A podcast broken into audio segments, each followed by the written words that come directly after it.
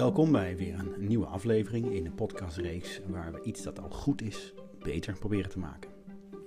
En in deze aflevering hebben we het over priming of in het Nederlands primen. Voor het hele COVID gebeuren kwam ik nog wel eens in een supermarkt.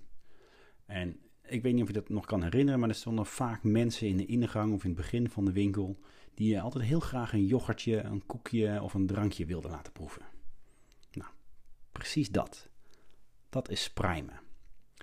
Ehm, subtiele visuele of verbale suggesties helpen ons specifieke informatie te herinneren en beïnvloeden hoe we reageren.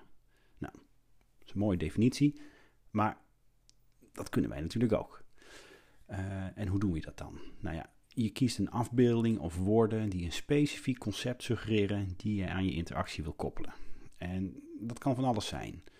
Uh, subtiele microtekst onder een uh, invulveld in je, in je aankoopproces.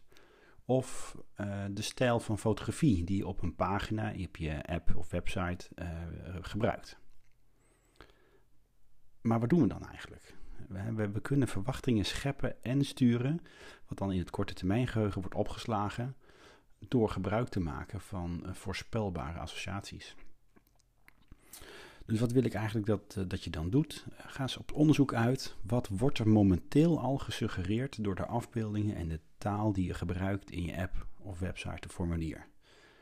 Kan je daar een stukje priming aan toevoegen? Of ben je eigenlijk al aan het primen? Kan je dat wat meer naar voren brengen? Of moet je dat juist daar wat meer verschil in brengen? Want anders is het geen priming meer, dus het allemaal hetzelfde.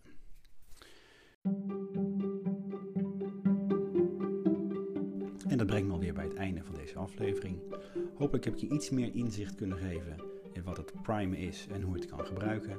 En hopelijk kan je jouw eigen idee, product, dienst hiermee verbeteren.